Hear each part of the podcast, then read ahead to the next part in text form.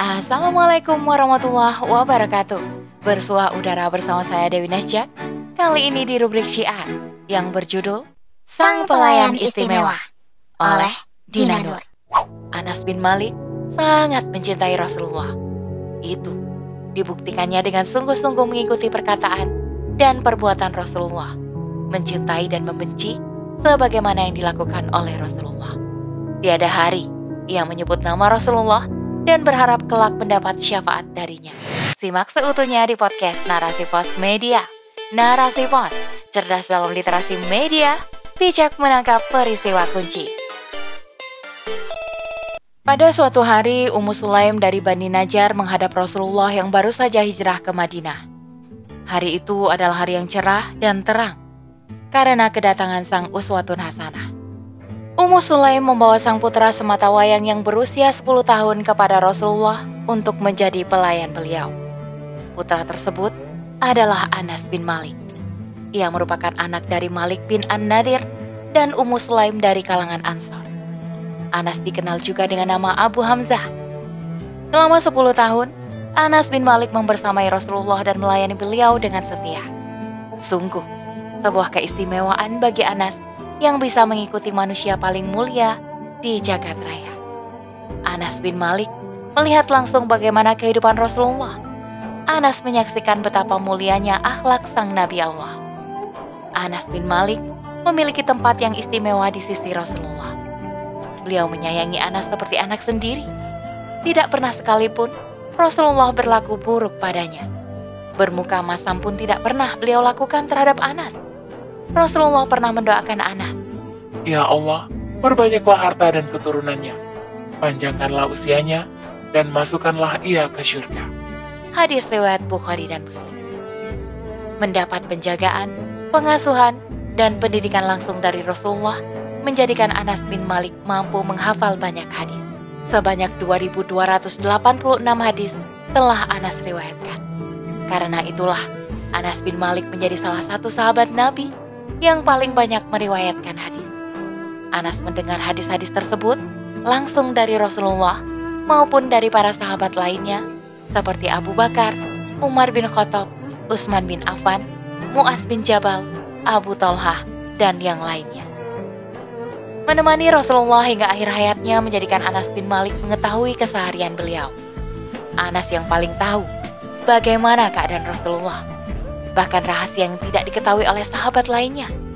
Pernah suatu kali Rasulullah tiba-tiba memanggil Anas untuk suatu urusan. Sang ibu yang melihatnya pun bertanya terkait urusan tersebut. Anas mengatakan, Ini adalah rahasia Nabi. Mendengar itu, sang ibu mengatakan pada Anas untuk benar-benar menjaga rahasia tersebut.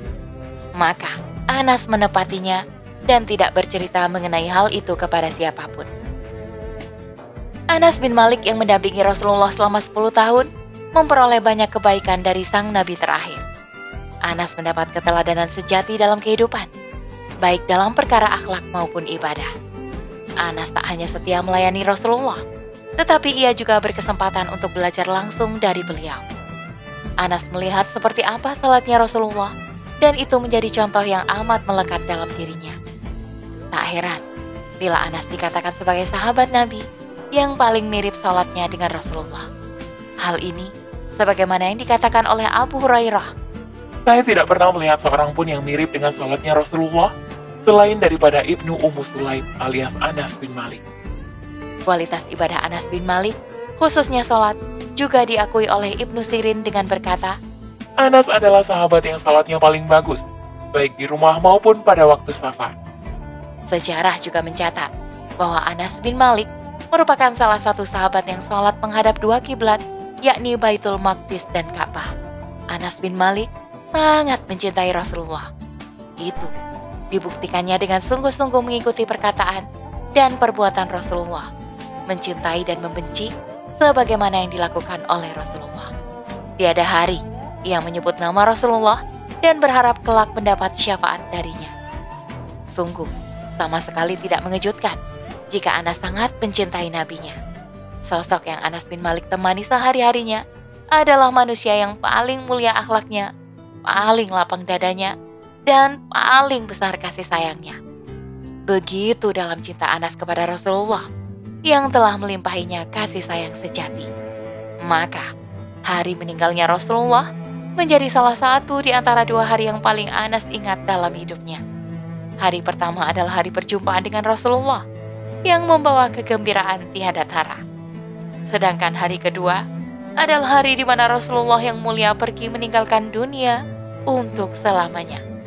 Hari perpisahan itu menjadi hari yang membawa kesedihan mendalam bagi Anas hingga air mata menetes setiap kali mengingatnya. Setelah wafatnya Rasulullah, Anas terus mengabdi pada Islam. Ia sampaikan petunjuk dari nabinya ke tengah-tengah umat manusia.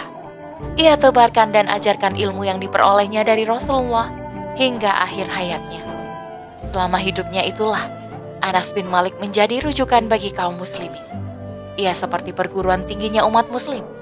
Banyak ulama hebat yang lahir dari tempaannya, seperti Hasan al-Basri, Asy Sya'bi, Umar bin Abdul Aziz, Ibnu Sirin, Ibnu Kilabah, Sabit Albani, Az-Zuhri, Qatadah, dan masih banyak lainnya. Selain menyebarkan ajaran Islam, Anas juga pernah ikut dalam peperangan kaum muslimin, yakni perang Tustar yang luar biasa dalam rangka menembus benteng Persia. Anas juga pernah ditunjuk sebagai penarik zakat di Bahrain saat era khilafah Abu Bakar dan Umar bin Khattab. Itulah kisah Anas bin Malik yang merupakan pelayan Rasulullah. Anas bin Malik hidup hingga usia 103 tahun. Ia meninggal di Basrah dalam usia yang panjang, memiliki keturunan yang banyak dan harta yang melimpah. Lebih dari itu semua, Allah berkahi hidupnya dengan senantiasa menjadi pelayan agamanya hingga tutup usianya. Semoga kita meneladani hidup Anas bin Malik yang begitu setia dan amanah dalam mendampingi Rasulullah. Kecintaan yang begitu mendalam pada Rasulullah terwujud dalam aktivitas dakwah sebagaimana yang dilakukan oleh Rasulullah. Ia terus menyampaikan ajaran Rasulullah di tengah-tengah umat dan mengabdikan dirinya untuk Islam. Kesetiaan pada jalan yang diridhoinya merupakan keistimewaan Anas bin Malik sang pelayan Rasulullah. Wallahu a'lam bisawab. Demikian rubrik syiar kali ini. Sampai bertemu di rubrik syiar selanjutnya. Saya Dewi Nasya undur diri. Assalamualaikum warahmatullahi wabarakatuh.